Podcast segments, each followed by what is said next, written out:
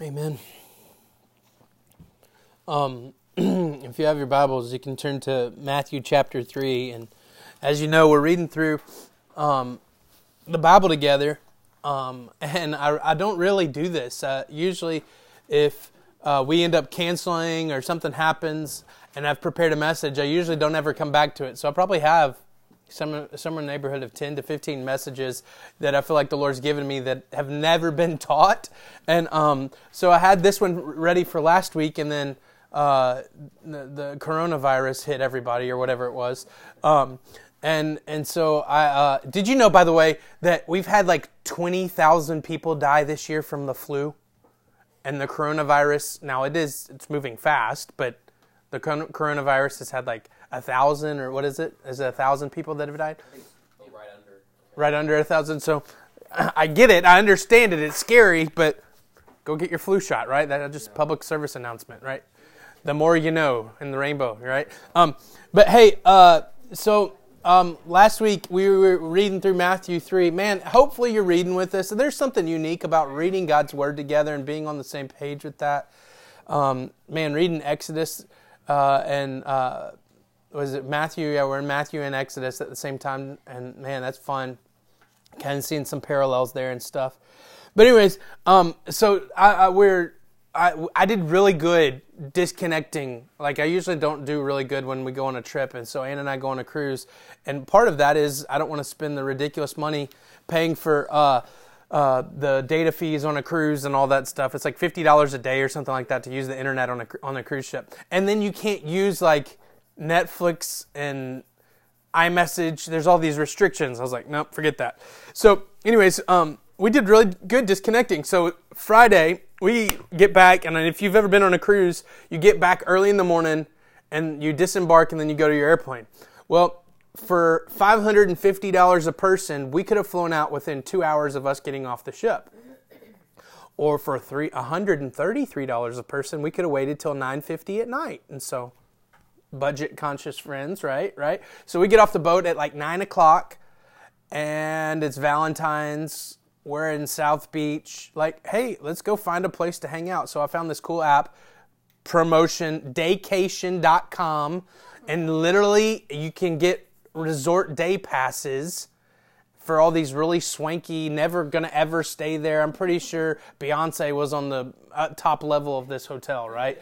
Like the cheapest rate of this hotel is like $450 a night, right? But for 60 bucks, they let us go sit by the pool. So we went and sat by the pool with all these um, really wealthy French people for some reason, and they all smelled like vanilla. I don't know why. But anyways, um, we, we had this beautiful time. It was awesome. And so halfway, I made a deal with myself. At 2 o'clock on Friday, I'll start looking at my phone and catching up on messages and stuff.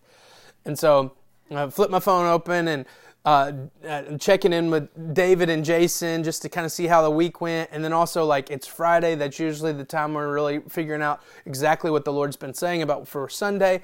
And David and Jason say, Hey, there's this section of the Sermon on the Mount, Matthew 6, that I feel like we need to teach on and discuss. And I was like, you know, I'm still in vacation mode. I'm like, sure, whatever. How about another pina colada? Right? Like, like I was like completely in that mode. And then later that night, I was like, oh, the Sermon on the Mount is so hard to take a section out of.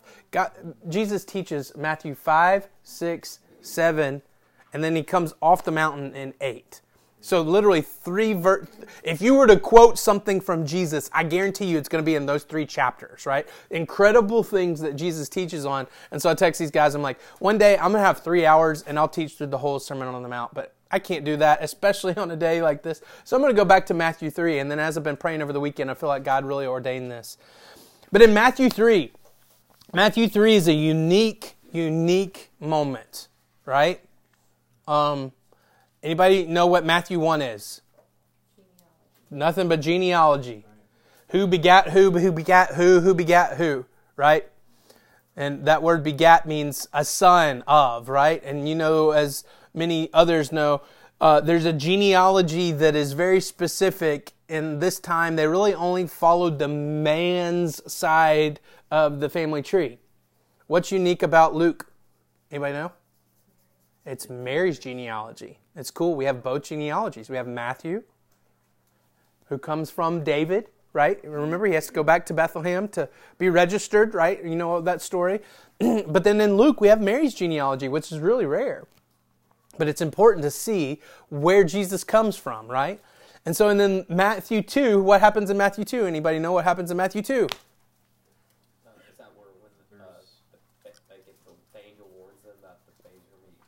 No, that's Luke.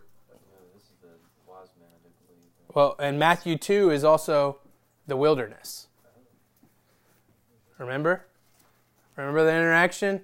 Hey, is that not right? Am I wrong? Matthew 2 is the, the Magi and Herod. Oh, the Magi. Yes, yes. Okay, sorry. Thank you. Um, no, is it? Uh, yeah, the um, the the the John the Baptist moment happens on the heels of the wilderness. Okay? Jesus has been interacting. I've, am I flipping it? Sam I'm still in vacation mode. Yeah, ha- wilderness happens on the heels of this. So, but the big point, the big point, ready? Here's the big point. Jesus has done nothing to this point. Now, he's taught in the temple and we really don't have any interaction with that. Remember, Mary and Joseph go back and they're like, Jesus, what are you doing? What? And he's like 12, and he's like teaching the Pharisees scripture. But we really don't know anything about him outside of the miraculous stuff that we celebrate around Christmas. But Matthew 3 starts with this crazy dude, crazy dude in the wilderness. Jesus' cousin, John the Baptist. I love that Jesus would have never called him John the Baptist, right? Right? John, little John, big John. Um, but watch this. A crazy man who lives in the wilderness. Let's bring in some reality here. Someone who lives under the bridge in the city of Memphis doesn't keep himself Ready? Eats bugs, gets stung by bees. Yet people are flocking to hear him preach. And not just preach, y'all, he's introducing something, as Ann prayed earlier, that's the upside down world. Let's read it. Verse 1 of Matthew chapter 3. When it was the right time, John the Baptizer began telling people a message from God. This was out in the desert of Judea. John said, Change your hearts and lives because God's kingdom is now very near. John is the one Isaiah the prophet was talking about when he said, There is someone shouting in the desert, Prepare the way for the Lord, make the road straight for him. John's clothes were made from camel's hair, and he had a leather belt around his waist. For food, he ate locust and wild honey.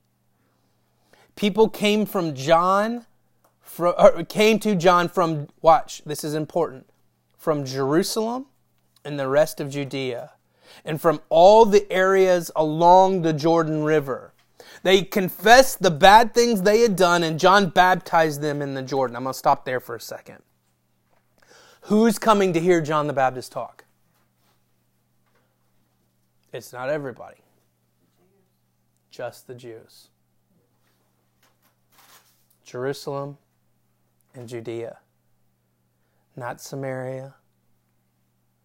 Listen to me. The ones who are continually sacrificing in this moment because they know there's a sin problem, but they have to deal with it in this manner. And what are they doing when they come to John the Baptist? They're confessing their sin in repentance and being baptized. Baptism at this moment is ceremonial, right? Like, have you ever thought about this? Those that were baptized before Jesus died on the cross, what were they being baptized? Uh, anybody else grow up in the Southern Baptist Church where they said the exact same way, they baptized the exact same way every time? I was on staff in Second Baptist Church in Houston and literally would get in trouble and have notes and a video sent to me if I said the words wrong when I baptized someone. Okay, there was a script. You're supposed to say it in the right way. Philip, is it true that you profess Jesus as your Lord and Savior? Yes, I do. Well, then, with that testimony, it gives me great joy to baptize you, my brother in Christ, in the name of the Father, Son, and the Holy Spirit, buried with Jesus in baptism, in death, and raised to walk in new life. Had to say it that exact way. How was John baptizing people? Think about this. Jesus had not died. Baptism in this moment was a, a, cleansing practice that only really the priest would do. Now, some would clean, they would clean themselves before they went to temple, but not in a ritualistic mindset like this is seemed in front of everyone. These are Jews coming to hear this unique message, and they're under the old covenant of Abraham and circumcision. Deal with your flesh in this manner. Watch. You and I, we are called to live a life in the way that shows the world that they have a need for Jesus. John the Baptist is presenting something completely different. John the Baptist is ushering in the new covenant, and no one knows it, but they hear him and they're drawn to him.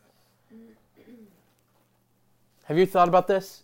Your life is designed to be strange. Who's the strangest person you know? Don't say it out loud because they might be in the room. Olivia's pointing to herself. I love you. I love you. That's awesome. Uh, hey, the strangest person you know, God has made you strange. Now, if it's a sin influence, if it's a wound, obviously the Lord's not made you in that manner. But there's a unique characteristic. Listen, your strange wilderness living, camel hair wearing, bug eating, honey eating life is designed with a purpose to draw people in so that you can explain to them that there is a way that they're living life that's different from what Jesus has designed. And it's not pioneer evangelism. Have you ever heard that term? Going to a place where no one has ever been and proclaiming Jesus. This is not what this is. Now, they don't know Jesus. These are religious people practicing under old covenant, and they are making a new kind of commitment. Watch. Every aspect of John the Baptist's life is designed by God living in the wilderness. Why? Think about it. Let's talk about it for a minute. Why does he live in the wilderness? He's detached from the religious system. Right, right. if I were to tell you right now that Donald J. Trump owns 22% of the pharmaceutical industry, how would you look at how he handles healthcare? Right? He's got some type of conflict of interest there. Let's take it to a much smaller scale. How you interact with people has to be only by the Spirit of God. Because if there's any type of other influence, they look at you as someone who's not detached, like Doug just said, someone who's influenced by. Why did Jesus come in a manger? Why did John the Baptist live in the wilderness? Because if he came on the white horse the first time, it would not have been the humble servant that we know of. That's what we not just expected, but our flesh desires that. Do you have something you want to add? I think we get caught up in the fact that John was a nut job or he's whatever, because that sort of appeals to our flesh. That's what makes all of us want to be head to toe tattooed or right, right, or what these kinds of things. But there's something much deeper that's not said here in the words, and that is there was an authenticity to mm-hmm. him that drew him, that drew them to him, and that's because he wasn't. So his sustenance wasn't dictated by the system. Everything about who he was was authentic because he wasn't beholding to anyone. And I think that's how he got to preach what it was. So spot on. I, I would love to. I, I almost wrote it this way. Um, the plague and the promise. We're reading Exodus right now, right? We're reading Exodus right now. The locust represents the plague. The honey represents the promise, and that's the thing that sustains John the Baptist. Think about it. The plague and the promise. The plague of the locust, the thing that God sent to curse and do bad things to that would create famine. That's what he sustained on. And the promise of wild honey. I love that scripture goes around the way and says that. Uh, y'all, I'm trying to be a beekeeper right now. Did you know this? Did you know this? Okay.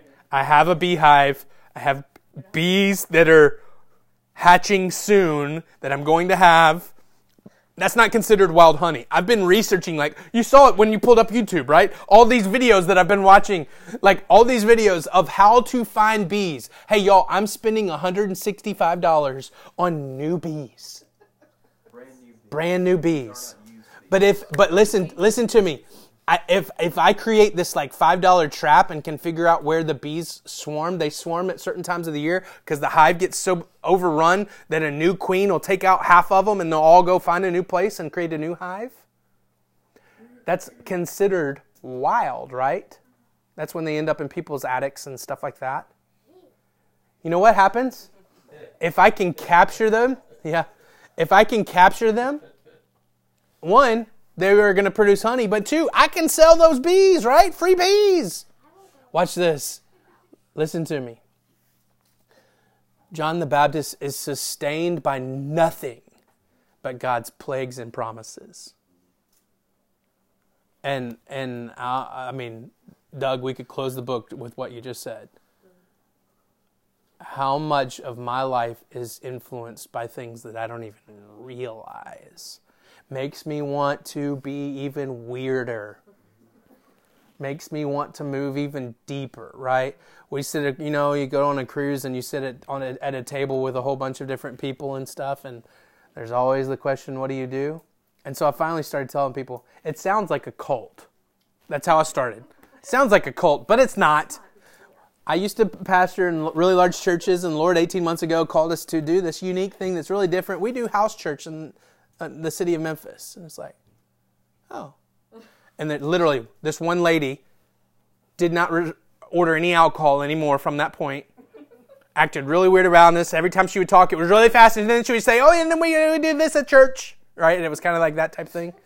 I, I, but watch, we don't know. We don't know until we sacrifice it, the influences that we have around us. When we go outside of our designed life, listen to me, God has designed life for us in a very unique way. When we go outside of our designed life to do something for the Lord that's operating in the flesh. Watch this. One thing we're missing here too is these people were putting themselves in danger. Oh, yeah, I'm, I'm about to get there. Like, next level. They don't even know what's about to happen. But watch. When we do things outside of the designed life that God has for us, without the Holy Spirit's prompting, y'all, those are cults. Those are the things that we build. The Tower of Babel. Those are the things outside. That's Uzzah putting his hand to the ark and creating a cart to put the ark on. And that's the reason why he's dead. Watch. It's men who talk about discipleship but never have enough time to do it. Watch this. Those who desire to live on mission but only go on mission trips and don't even know their neighbors' names. That's us living outside of the design life that God's called us to. And that's operating in the flesh. We should always have a heart for the nations. We should always have a heart for discipleship. But watch, kill obligation. If it's not from the Lord, there's something from the Lord you're supposed to be doing. The reason why we can't kill obligation is because the things we do in compulsion kill the advancement of the kingdom of God. I said that wrong. The reason why we say kill obligation is because the things we do in compulsion kill the advancement of the kingdom of God. Watch, the Jews are living a cultural religion. Have you ever talked to an atheistic Jew? There's lots of them. Y'all, think about how silly that is. Jews who are atheists, there's lots of them practicing. And it's because the Jewish culture is so rich that it has this depth and tradition and culture that I don't even interact with God in it. Which challenges me to think that there might be a lot of Christians who might genuinely be atheists. Many will say on that day, but few will enter. Have you ever thought about the math there? The majority is, and the minority is. It's scary. John's message is a message for the heart because Jesus, that sets up Jesus to come and touch every heart. John starts to speak. Remember, he is the forerunner, the preparer of the way. He starts to speak in heart language to a culture that is depth in head and religion and shell of what it's supposed to be.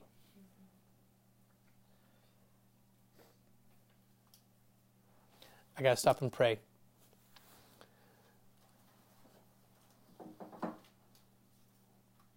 Lord Jesus, we just ask you to sit down here right now. Lord, as we speak about matters of the hearts in the name of Jesus, I pray for clarity. I pray for anointing.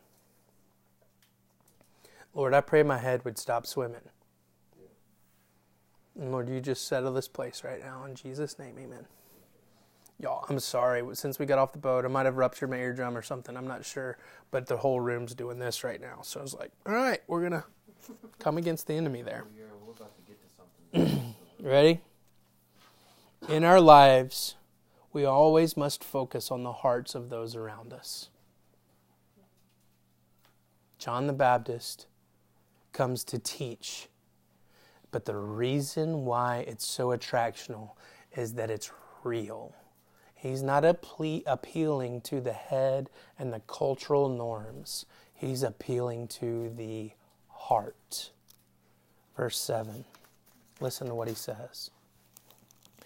Many Pharisees and Sadducees came to where John was baptizing people. When John saw them, he said, You're all snakes. Okay, let's talk about the danger that Heather was referring to. When we have cultural traditions, there's this hierarchy of power that controls us.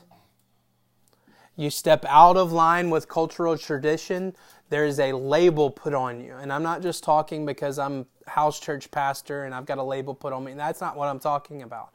I'm talking about the enemy does not like it. And so thus he puts people in your way. And here's what we do. We cower. Look at me. I have been for the last three months doing everything I can not to cower to sickness.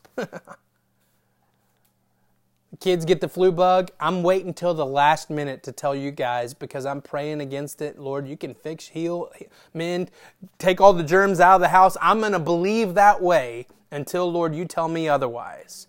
Because the moment we begin to cower with things of sickness, we start to cower in other areas, and the enemy then is controlling us because of the hierarchy of power that he thinks he has. But when we start to speak to people's hearts, he sends other people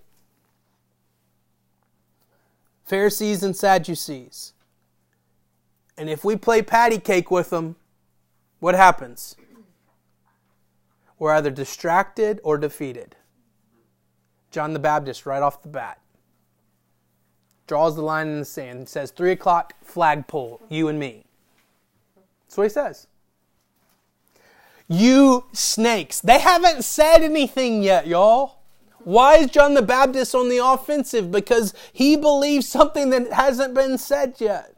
Upon this rock I will build my church, and the gates of hell will not prevail against it. John the Baptist sees things in the spiritual and operates in that manner, and he's calling us to do the same. You snakes, you're all snakes. God warned you to run from God's judgment. Who warned you to run from God's judgment that's coming?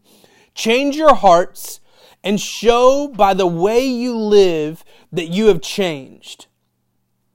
I know what you're thinking. You want to say, but Abraham is our father. That means nothing, I tell you. God could make children for Abraham from these rocks. The axe is now ready to cut down the trees. Every tree that does not produce good fruit will be cut and thrown into the fire. I baptize you with water to show you you have changed your heart and lives. But there is someone coming later who is able to do more than I. I'm not good enough to be a slave who takes off his sandals. He will baptize you with the Holy Spirit and with fire. He will come ready to clean the grain. He will separate the good grain from the straw. He will put the good part into his barn and the barn and will burn the useless part with fire that cannot be stopped. Think about this for a moment. Our political climate's designed for pandering to one another. Have you ever heard about a message that is filled with red meat? Have you ever heard someone say he's he's giving a speech that's nothing but red meat to his constituents? Watch, you ready for this? I could teach a message this morning that is designed around I hate sin. Right? And and it's true, right? We all hate sin, right? If you don't, we need to maybe teach that message. But no, no, we, we, we all hate sin. I hate sin and sin's awful and I could be slapping you on the back. Yeah, we hate sin. We hate sin. Amen to that. But then what does that do within a broken system and a broken person who's still going to sin tomorrow? That message does nothing but slap us on the back when Scripture's calling to us to stir one another up. Do you see the difference? Pandering to your crowd only feels good in the moment. But speaking to the heart changes the trajectory of lives. Watch. Snakes, warning of a coming judgment. Listen to this. Religious culture can easily replace a person's character. But it is hard for a person of character to replace a religious culture. Let me say that again. Religious culture can easily replace a person's character. If I live in a religious system, I can make it look like I have a great character. But it is hard for a person of character to replace a religious culture. If we were to live fully surrendered to the Lord, and I pray that for you guys often Lord, let us surrender more. Let us find new things to surrender, God. Let us be fully surrendered to you. If we were to live fully surrendered, we would be considered people of character and not a church. Of course, we're considered a church, but your neighbors would consider you of one of high integrity, high character. But they would do the same thing if we walked in religious mindsets and wore certain robes and had deep convictions and all those things. So, what's the difference? John knows what's coming, and the thing that's coming deals with only the heart. We know what's coming. So it's time to stop playing the religious games and start speaking to the hearts of our neighbors. Uh, I, I probably have done this with many of you. I kind of give a disclaimer around I'm blunt, I'll say the thing. I don't kind of tiptoe life lived on eggshells hurts. Have you ever stepped on an eggshell? Life lived on eggshells hurts. I can't walk with confidence in those rooms. But to walk with confidence around the thing that the Lord said, if I can live my life submitted to the Spirit and brush shoulders with Philip, all of a sudden I brush shoulders with Philip and the Lord reveals something in his heart, I can speak to the thing that's in his heart. That's how God has designed it, y'all. That is the reason why I'm weird eating wild locusts and wild honey. That's the reason why you're in your neighborhood operating the manner that you are is to speak to the heart of people around you. So listen to me. I don't care what the issue is. Start this afternoon. It's time to start to speak to our neighbors' hearts, those who we brush shoulders with, those who we live with, those who we are an, extended family. It's time to speak to hearts and not to whatever the enemy has placed in front of us and we continually speak to the head. We're not Christian because of how we gather. We are Christian because of our repentance. And that's the message that John is preaching. Repent from your sins. And then he says, and be baptized. What do we say baptism is? Come on, that's one of those lines that you've heard it said a hundred times in church. What is baptism? An outward expression of an inward reality. Right? An outward baptism is an expression of the heart. So John the Baptist is teaching two things repent from your sins and give evidence of your heart. Ready for this? It seems so simple, but I think it's a reality that we need to embrace today. All new things start with the heart. All new things start with the heart. Was it week six in pregnancy that you can start to hear the heartbeat? Have you ever thought about that? From before the birth, at week six in the womb, the heart starts beating and does not stop typically for somewhere between 70 to 80 years. When we think figuratively about matters of the heart, we need to understand that there is a sustaining newness that the Lord provides with every beat of the heart. And that's what John's speaking to. Verse 13. I hear John the Baptist shouting, He will baptize you with fire, and this thing can't be stopped. And it's shouting, and it's like Jesus is sitting backstage, right? And he has this like walkout music, right? 1990s wrestling fans, you know what I'm talking about, right? Like all of a sudden the music drops and he runs through the curtain. No, no, no, that's not what it is. The Bible says at the appropriate time, John. Look at this. See this. John had to be the one to usher in Jesus. Without a John the Baptist in that moment, Jesus doesn't walk up. I'm going to say it really strong. Without a Katie Reed sitting in her neighborhood, Jesus doesn't walk up. Right?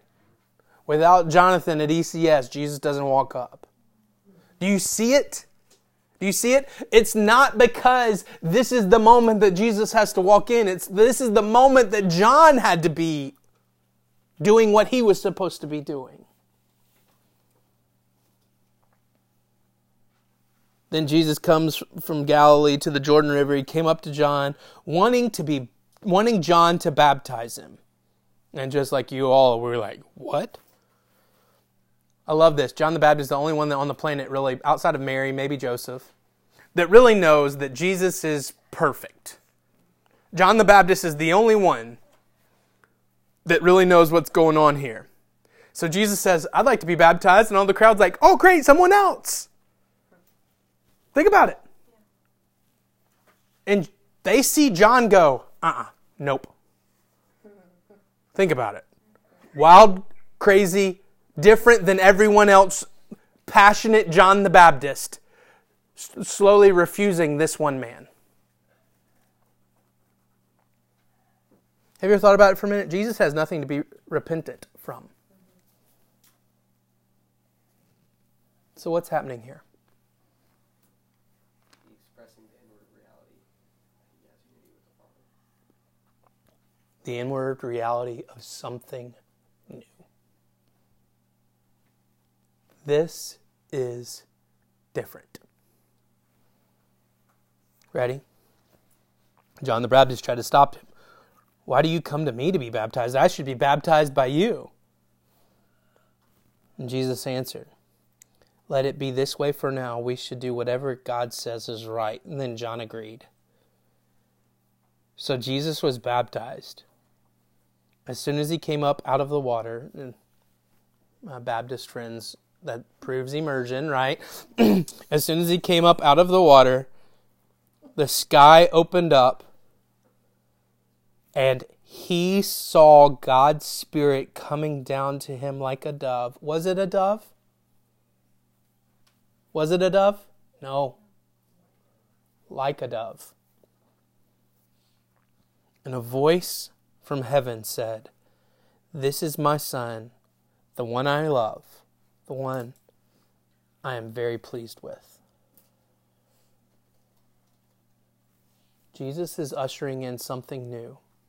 In this one act, Jesus illuminates the need for repentance because of his humanity.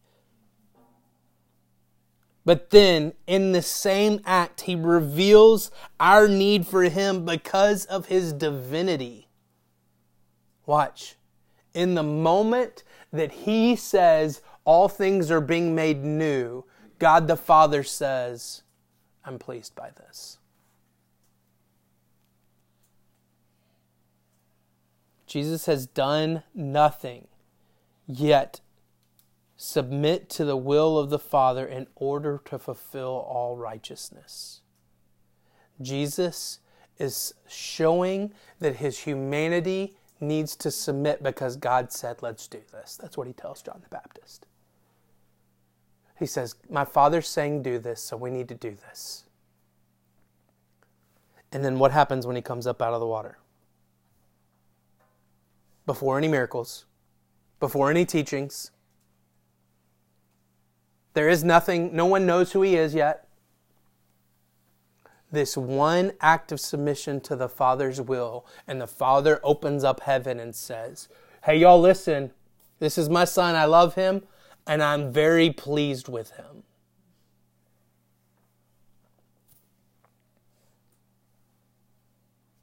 Our identity should be wrapped up in our surrender to the will of the Father.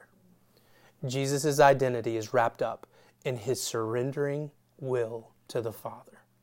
Yeah, oh yeah. I was just going to say, you know, baptism, I, I, agree with everything you've said, but it was also not a religious word. You know, it, it meant to transform. Mhm. So, like a cucumber that goes into the brine was baptized in Right. pickle. And so Marinate. Jesus was also demonstrating a transformation.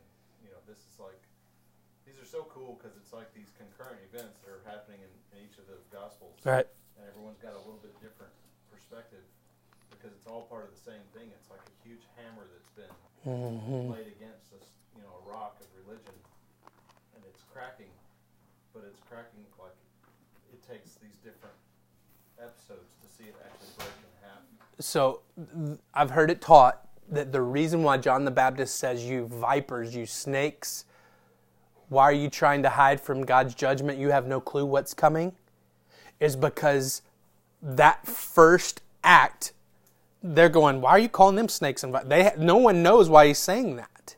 But that very first act, everyone starts to see the crack in the armor of the religion. That's good. Our identity being wrapped up in our submission to the Father is exactly what Jesus. Remember what Jesus says? I only do what I see my Father doing. What should we do? Only do what we see the Father doing, right? When is God most pleased with us? when we submit. I've said this to you before. I don't believe there's a gauge in faithfulness. No man can really genuinely be faithful. But if we were to define faithfulness, we could say it this way one who responds to the Holy Spirit is faithful. So I can tell you right here and right now, I could say something in my flesh in the next 30 seconds, and somewhere across the street or around the world, like somewhere there's a little kid who's responding to the Holy Spirit. In that moment, they are more faithful than I am. God is concerned about the heart. And in the moment, He's concerned about your heart in the moment. Not about your heart five years ago. Not about your heart now. I mean, but only about your heart now. That's what he's concerned about. He's not concerned about where you were three minutes ago. He's concerned about the last two seconds of your faithfulness. I can reject and accept in two different breaths. I can accept and reject in two different breaths. Think about Peter. In one moment, who does man say that I am? You are the Christ, the Son of the living God. Man, Peter, you don't you're so dumb that only God could give you that. And then the very next breath, he says, I'm about to die. He said, Nah, you ain't going anywhere. We're not going to let that happen to you. I'll never deny you. I'm going with you wherever. And Jesus says, No, you're going to deny me three times. Get behind me, right? There's this idea of when we listen and submit to the Father in that millisecond, there's the full resources of heaven. And the Christian walk is tying those milliseconds together and adding more and adding more and adding more. The moment that you break that chain, the moment that you sin, God redeems it, fixes it, and is ready for the next millisecond to be surrendered to Him. That's what grace is that we don't understand. Let's pray. Lord Jesus,